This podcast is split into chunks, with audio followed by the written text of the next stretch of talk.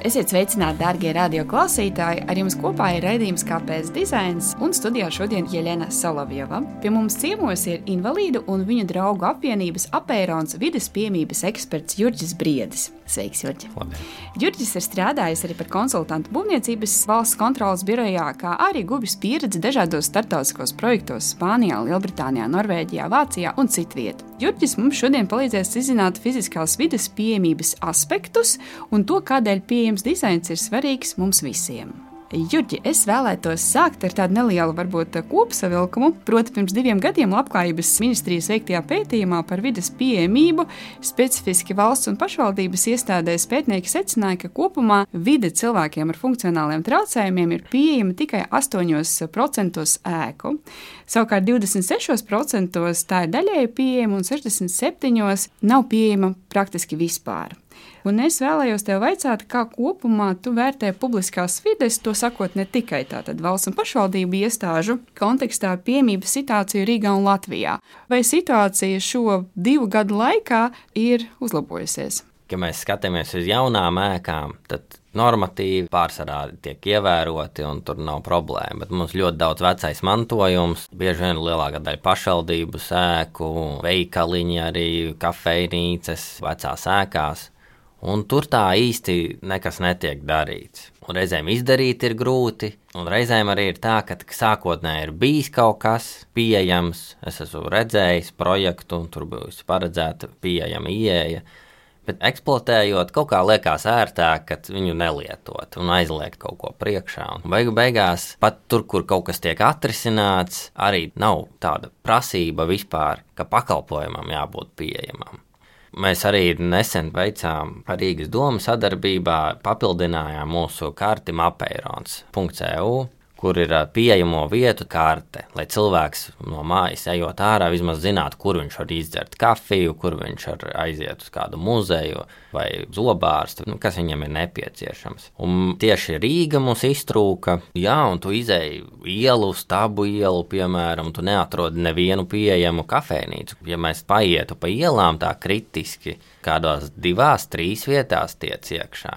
Tā kā ielas uzlabojās, bet tās mājas nav tāda skatījuma kopīga arī, kā risināt šos objektus. Kāda atbalsts var būt nepieciešams. Varbūt tiem, kam ir nepieejamas telpas, lielāks nodoklis jāmaksā. Tie, kas uztaisa pieejamību, tiem varbūt ir mazāks. Nav tāda skatījuma, kur mēs būsim pēc 20 gadiem, piemēram. Bet kādi kopumā normatīvi akti šobrīd regulē pieejamības vides veidošanas procesu, vai ar to ir pietiekami, vai notiek arī kaut kāds auditēšanas un kontrolas process arī? Mums ir būvniecības likums, kur ir viens no būtiskām prasībām, būvēm uzstādāmām ir vides pieejamība un lietošanas drošība.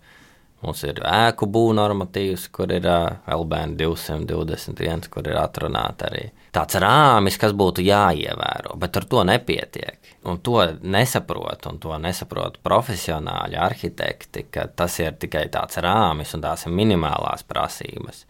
Ka tev ir jāprojektē, kāds būs durvju rokturis, tev ir jāprojektē, kā mēs stiklus nomarķēsim. Tas ir jāprojektē, nevis beigu beigās uzlīmējam kaut ko, kas pagadās. Un tad ir standarti šie te kuri ir brīvprātīgi piemērojami, bet mums ir ļoti labi standarti pārņemti no Eiropas Savienības, ir atzīti kā Latvijas valsts standarti, un tur visas atbildes ir atrodamas šajos standartos bet eh, arhitekti viņus neizmanto, vai tādos eh, valsts iepirkumos bieži vien un pašvaldību iepirkumos uzvar kompānijas, tas nav nekāds noslēpums arī kur tos projektus neizstrādā arhitekts, tur izstrādā kādi studenti vai vienkārši kurš māca kaut ko uzrasēt, un arhitekts tur ir tikai formāli, viņš ir parakstījies. Un mēs redzam nekvalitatīvus projektus, un tā vides pieejamība, kā tur tiek aprakstīta, nu, tāds kaut kāds aprakstam jābūt, kas tam būvniekam jādara. Ir pat aizno izkapēts no būvnormatīva, bet es teicu, tas ir tāds rāmis, jāmarķē kāpnes. Bet kā jāmarķē? Un tā būvnieks izdomā pēc savas ieskata, kā viņš nomarķē. Nu, visticamāk, dzeltena melnā atomreaktora ar lente, kur ne pēc kā neizskatās, un ne visās situācijās viņa nodrošina marķējumu. Kopumā domājot par vidas pieejamību,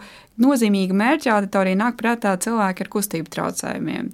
Taču lietotāja lokus, nu, protams, ir plašāks. Vai vari lūdzu izstāstīt vairāk, pieminēt, kurām vēl sabiedrības grupām vides pieejamības jautājumi ir sevišķi svarīgi un par kuriem varbūt mēs aizmirstam? Domāju, nav tāda sabiedrības grupa, kurām tas nav svarīgi. Ja mēs jebkurš nonāksim kādā dzīves posmā, ka mums vides pieejamība tā universālais dizains, ja mēs tā pārējām nedaudz, būs nepieciešams pirmais, kas cilvēkiem nāk prātā, jā, cilvēks ratiņkrēslā, un tad eh, tiem, kam jāievieš kādi risinājumi, tad jādabūna kaut kā nebūt cilvēks ratiņkrēslā ēkā, un tad būs viss kārtībā. Vienalga ar pagalmu, garam izkastēm, nu, galvenais, kad viņš tiek ēkā. Un tā ir tā problēma, ka mēs nepaskatāmies plašāk. Jo varbūt no tiem kustību traucējumiem cilvēks ratiņkrēslā ir salīdzinoši mazākā daļa. Ar kruķiem, ar atbalsta rāmjiem, ar rollatoriem pārvietojās ir vājredzīgi cilvēki un neredzīgi cilvēki, ko arī liek visu vienā maisā, vājredzīgam un neredzīgi. Uzliksim kaut ko neredzīgam, un tas arī derēs vājredzīgi, bet tas tā nav. Tā kā nesaprot tos lietotājus. Un, protams, ar dzirdes traucējumiem daudzas lietas akustikai labai jābūt, palīgi līdzekļi, akustiskās cilpas. Subtitri būtu jānodrošina teātros, tā arī ir vides pieejamība viens no tādiem universālā dizaina principiem ir uh, tas intuitīvi saprotams dizains. Lai arī vecāku gadagājumu cilvēku, kuriem nav vairs tik asa domāšana, lai spētu saprast, kur viņam jāiet, kāds pakalpojums jālieto, un tostarp arī cilvēkiem ar uh, garīgu raksturu traucējumiem, intelektuālas attīstības traucējumiem. Mums nāk no institūcijām ārā cilvēki, viņiem arī jādabūna pakalpojumiem, jāsaprot. Ir kur autobuss piestās, kad viņš piestās, un tas ir viss dizaina jautājums. Ko nozīmē universālais dizains? Nu, jā, tas ir svarīgi. Jā. Nu, es ilgi domāju, kā izskaidrot to universālo dizainu, jo tā ir dizaina domāšana. Tas nav dizaina veids, tas nav trends, tas nav dizaina stils. Tā ir kā mēs domājam. Varbūt latviešu universāla dizaina slikti varbūt pārtulkojās. Varbūt tā ir problēma. Un kas man ienāca prātā, it kā muļķīgs salīdzinājums, bet eh, no otras puses labs salīdzinājums. Domāju, kur vēl mēs esam redzējuši dizaina domāšanu tādā mērogā, kā būtu jāievēro universālais dizains. Bija tāda valsts pirms 30 gadiem, Padomju Savienība. Tur bija militārais dizains visam, ko mēs taisījām, rūpnīcu, metro būvējām, skolas būvējām, autobusus taisījām. Viss bija pakļauts militāram dizainam kā mēs varēsim to izmantot kara laikā. Bija tādi autobusi, kuriem bija durvis lūka galā. Ikdienā viņi kolhozniekus vadīja, bērnus uz skolu, bet kara laikā tās durvis galā varēja atvērt, lai tu varētu ievainotos evakuēt. Ilgi neražoja normālus uh, automobīļus priekš civilajiem, visi uz teātri brauca smagajās mašīnās jo visas smagās mašīnas varēja izmantot kara vajadzībām. Makaroniem diametrs bija tāds, lai varētu pārtaisīt konvejeru, lai Kalašņikavam varētu patronus ražot. Un pilnīgi viss tika tam pielāgots. Un universālais dizainam ir nevis militārais karš, bet cilvēks galvenais. Un ievērojot šos septiņus universālā dizaina principus, mēs to arī nodrošinām. Pērkam pilspalvu, izējām cauri septiņiem universālā dizaina principiem, vai viņi ir viegli atverama, intuitīvi saprotama, kā viņu lietot. Krēslu pērkam, kāpnes taisam, kāpnēm margas projektējam, durvju rokturi izvēlamies, mājas lapu taisam, kaut kādu pakalpojumu nodrošinam informācija mājaslapā, kā cilvēks atnāks, piekļuvis ēkai, durvis atvērs. Universālā dizaina principi ir visu, ko tu dari, ejot cauri šiem principiem. Tad viss būs arī beigu beigās pieejams un vide būs nodrošināta. Tas viens otru neaizvietot. Vienkārši, ja būs universālais dizains, tad būs arī vide pieejama. Par septiņiem principiem Es domāju, ka izklausās iespējams mazliet nomierinoši tiem cilvēkiem, kuri projektē, jo ievadā runājot par tik dažādām auditorijām un tik dažādām vajadzībām, es pieņemu, ka var rasties arī satraukums, nu kā tad es varu radīt risinājumu, kas patiešām būs atbilstoši. Vairākus no principiem tu jau pieminēji, varbūt tu vari ieskicēt atlikušos. Viens no tādiem svarīgiem principiem ir pielietojuma taisnīgums. Tas nozīmē, ja jūs to varat lietot, lai arī citi to var lietot, un taisnīgi. Viens no piemēriem, kas nāk prātā, prātā ir eh, teātrī, vai tu vari izvēlēties, kur sēdēt. Varbūt ne visās vietās, bet tu varbūt gribi priekšā, varbūt vidū, varbūt aizmugurē. Vai tev ir iespēja, ja tu esi ratiņkrēslā vai kustību traucējumi, izvēlēties? Bieži vien tev nav iespēja, tev kaut kur aizmugurē pie ieejas durvīm. Vai pašā priekšā visiem izbīda, priekšā sēdi, priecājās, visi nav ekstraverti cilvēki. Viņiem nepatīk, ka visi tūkstoši cilvēki uz viņu skatās. Nu, izmērs un telpa tas jau ir saistīts ar šīm vidas pieejamības prasībām. Līdz ar to tā vidas pieejamība jau ir iekļauta šajā universālā dizainā ir vēl tur intuitīvi saprotams dizains, ka tev nav jābūt ar doktora grādu, lai saprastu, kā kaut ko lietot. Un vienkāršā valoda ietilpst arī šajā visā, kā politiķi runā ar cilvēkiem. Nav tāda dzīves joma, nav tāda lieta, kur nevarētu piemērot šos principus. Protams, kritiski arī nu, viens no principiem ir pielietojama daudzveidība. Nu, nevienmēr varbūt vajag durvis, lai viņas varētu lietot kā galdu vai kaut kādā savādāk. Ja? Mēs arī kritiski varam paskatīties, bet varam vienmēr par to padomāt. Un, Nu, viens no pielietojuma daudzveidība tagad ir USB Type-C, piemēram. Mēs visu varam uzlādēt. Tas ir viens no universālā dizaina produktiem. Uh, tad minimāli pielietojams spēks. Nu, piemēram, ir spilvai ļoti labs produkts, burciņai ir tāds riņķīts apkārt. Tas arī ir universālā dizaina produkts, lai tu viegli varētu atvērt to burciņu, nevis daudzīt pret galdu vai ar nazi tur ņemties vai dot vīram attaisīt. Un arī viens no principiem ir tolerance pret kļūdām, kas ir ļoti svarīgs arī princips ka mēs nevaram vainot cilvēku, ka viņš kļūdās. Cilvēks pēc dabas kļūdās, viņam ir pienākums kļūdīties. Nu, tā mēs arī mācāmies, bet šis dizains viņam ir jātolerē kļūdas. Tu vari atvērt ne tās durvis, tu vari nospiest ne to pogu, tu vari balkoniem, piemēram, mums ir margas. Mēs nesakām, nu, pats vainīgs, ka nepamanīja un nokrita. Dizains tevi cenšas pasargāt. Automašīnām ir mums visādas sistēmas, gaisa spilveni un drošības jostas arī. Nu, kad tu kļūdīsies, tevi vēl dizains pasargās. Bet nu, vienmēr dizainam kļūdās ir katastrofāls. Nu, reizēm tās kļūdas var būt kaut kādas nu, niecīgas. Kaut kāds troksnis, lai neveidojas. Nu, mēs te sēžam studijā, mums ir akustiskās durvis, kāds tur izdomās tur diskusiju taisīt aiz durvīm, lai šeit netraucētu. Tas arī nu, dizains.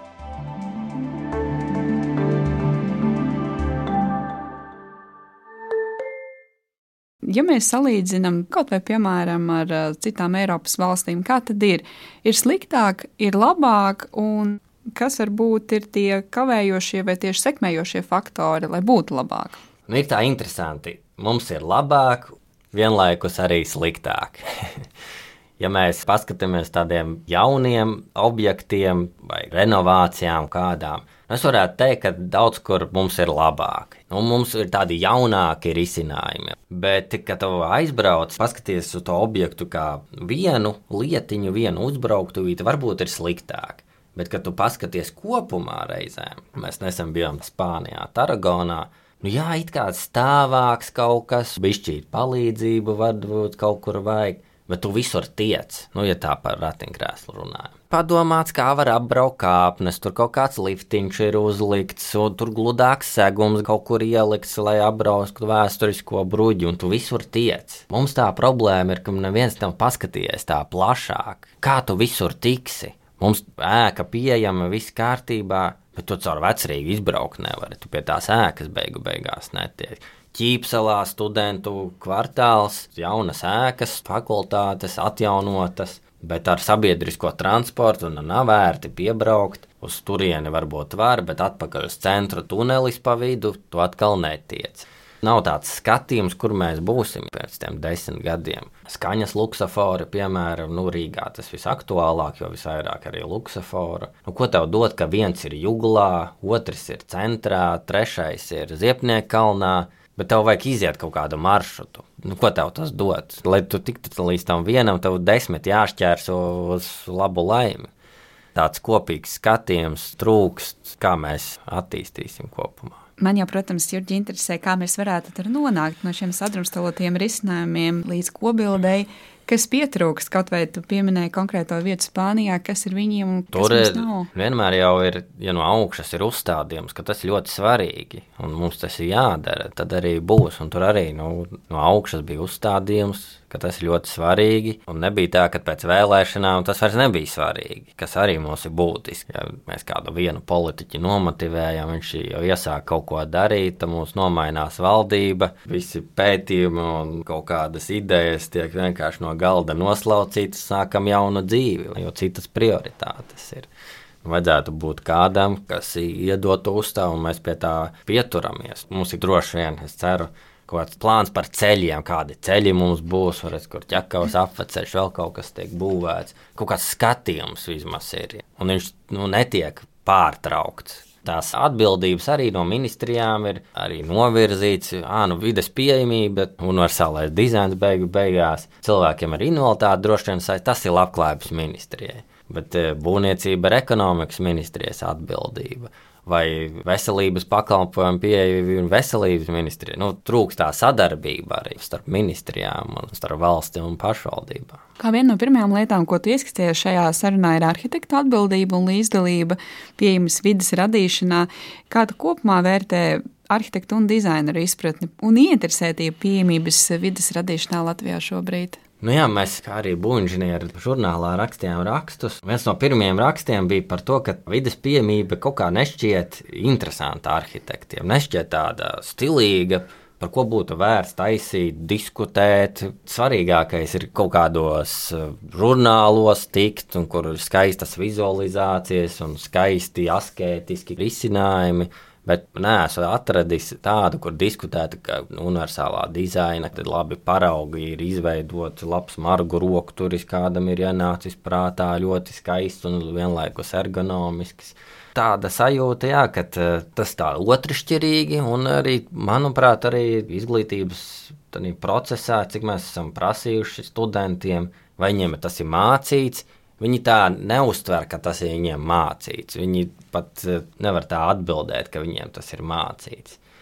Viņam māca arhitektūru, bet tomēr ir kaut kāda specifika, ko tev būtu jāpadomā. Nu, vismaz tev būtu kursa darbiņš, kur nedēļu tu padomā par universālā dizaina un vides pieejamības risinājumiem.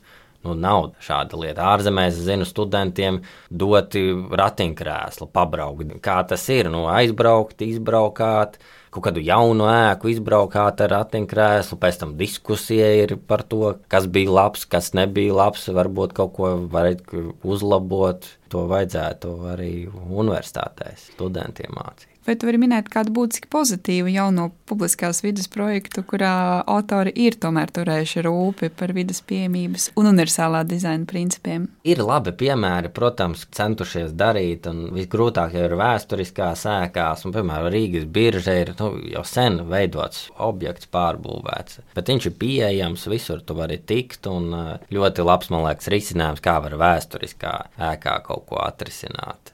Rundāls pils, piemēram, grūti varbūt piekļūt tai pilī, bet iekšā visur tiek, un tur ļoti daudz arī turistu grupas ir Nacionālā bibliotēka. Nu, arī varbūt cilvēkiem ar kustību traucējumiem tur ir ērti, bet cilvēkiem ar redzes traucējumiem nu tik ērti nav. Tu ieeji, tur ir plašs gaitenis, Tur ir atspīdumi veidojās ar vāju redzi. Tur redzi 5, 10 metri sev priekšā, un ja liels attālums ir grūti tevi norientēties. Varbūt es piekasos, bet tāda perfekti ideāla objekta nu, nav vēl. ja atcerējās par vienu grupu, tad piemirsta par citu. Visbiežāk jau piemirst par cilvēkiem ar dzirdes traucējumiem, tādas akustiskās cilpas konferenču semināru telpās, par labu akustiku piemirst arī kas neizslēdz to, ka ir kaut kādas palīgi ierīces, labai akustiskai jau pēc noklusējuma jābūt labai akustikai. Es no savas puses, Jurģi, gribu komentēt, ka paldies, ka tu piekasies, nestoties uz to, ka man jautājumi ir par pozitīviem piemēriem, jo jārunā ir arī par sliktu dizainu. Jo, ja mēs to neakcentējam, tad kā gan mēs varam gan rosināt diskusiju, gan arī palīdzēt saprast gan lietotājiem, gan dizaina mm. veidotājiem, kaut kas nav kārtībā. Visbeidzot, to arī pieminēju, un es vēlreiz uzsvēršu, ka arī, manuprāt, laba dizaina pamatā ir spēja būt cilvēcīgam un domāt par cilvēku, iejusties savā lietotāja ādā, Kā tāprāt, mēs varētu veicināt lielāku empātiju pret sabiedrības grupām, kurām pieejams vidas dizains ir kritiski svarīga ikdienas sastāvdaļa? Tu gan tiešām arī minēji, ka visiem tas ir svarīgi, bet, nu, domājot par kritiskajām grupām. Nu, jā, nu, reizēm arī domā, kā var izskaidrot, nu, kā tas cilvēks jūtās beigu beigās. Nu, tad mēs padomājam, kā mēs jūtamies, ka mēs ejam uz darbu katru dienu. Mēs nedomājam par to, kā mēs iziesim no mājas. Mēs zinām, ka mēs nu, darbā būsim deviņos. Ja iziet cilvēks ar kādu invaliditāti reizēm no mājas, viņam visu laiku ir bažas par kaut ko. Vai viņa iebrauktu, vai nebūs kāds noparkojis mašīnu priekšā, vai viņš varēs nobraukt no trotuāra. Redzes traucējumiem, vai viņš aizies pie pieturu un autobusu apstāsies pie staba, lai viņš varētu numuru saskatīt, vai tur sastāsies trīs autobusi un tu savējo palaidīsi garām, jo tu numuru neredzēsi. Un cilvēks ratiņkrēslā vai šoferis izlaidīs platformu, lai platforma darbosies Vai man tur pa ceļam ir kaut kāds tunelis, kur ir divi pacēlāji, viens no viņiem varbūt nedarbosies. Tad man būs jābrauc apkārtceļš, kas stundu vairāk aizņem un tev katru dienu pavada kaut kādas bažas, ka kaut kas varētu noiet greizi, kaut kas varētu nedarboties. Tas tev viss krājās. Un cilvēki, kuri varbūt ar to nesaskarās, nesaprot, ka, kāpēc cilvēks beigu beigās ir tik īgnis par kaut ko, viņam kaut kas nepatīk. Ja ir tas universālais dizains, tad mēs to mašīnu tur tik viegli tā nevaram nolikt dizains jau to paredz, lai mēs nekļūdāmies. Nu, tad tu vari arī paļauties uz to pilsētas dizainu. Ka katru dienu tu iesi un būsi deviņos darbā. Vienkārši esam cilvēki un empātiski un uh, saprotam to, ka uh, tie ir tādi paši cilvēki, kā mēs visi pārējie. Viņi arī grib iet uz darbu, iet uz kafejnīcu, iet izklaidēties. Kāds grib piedzerties, varbūt kādreiz. Nu, viņi grib visu to pašu, ko mēs gribam. Un nav tā, ka ir kaut kāda aņem tur pie ārsta, tas ir svarīgi. Viņš visu grib, koncertu grib, autobusā ar vilcienu, ar taksi, visu. Paldies, Lielas Čurķi, un uh, paldies, darbie radio klausītāji, ka bijāt kopā ar mums. Ar jums kopā bija Jelena Solovjova un vidas pieejamības eksperts Jurģis Briedis. Raidījums ir tapis ar Valsts kultūra kapitāla fonda atbalstu. Kāpēc dizains?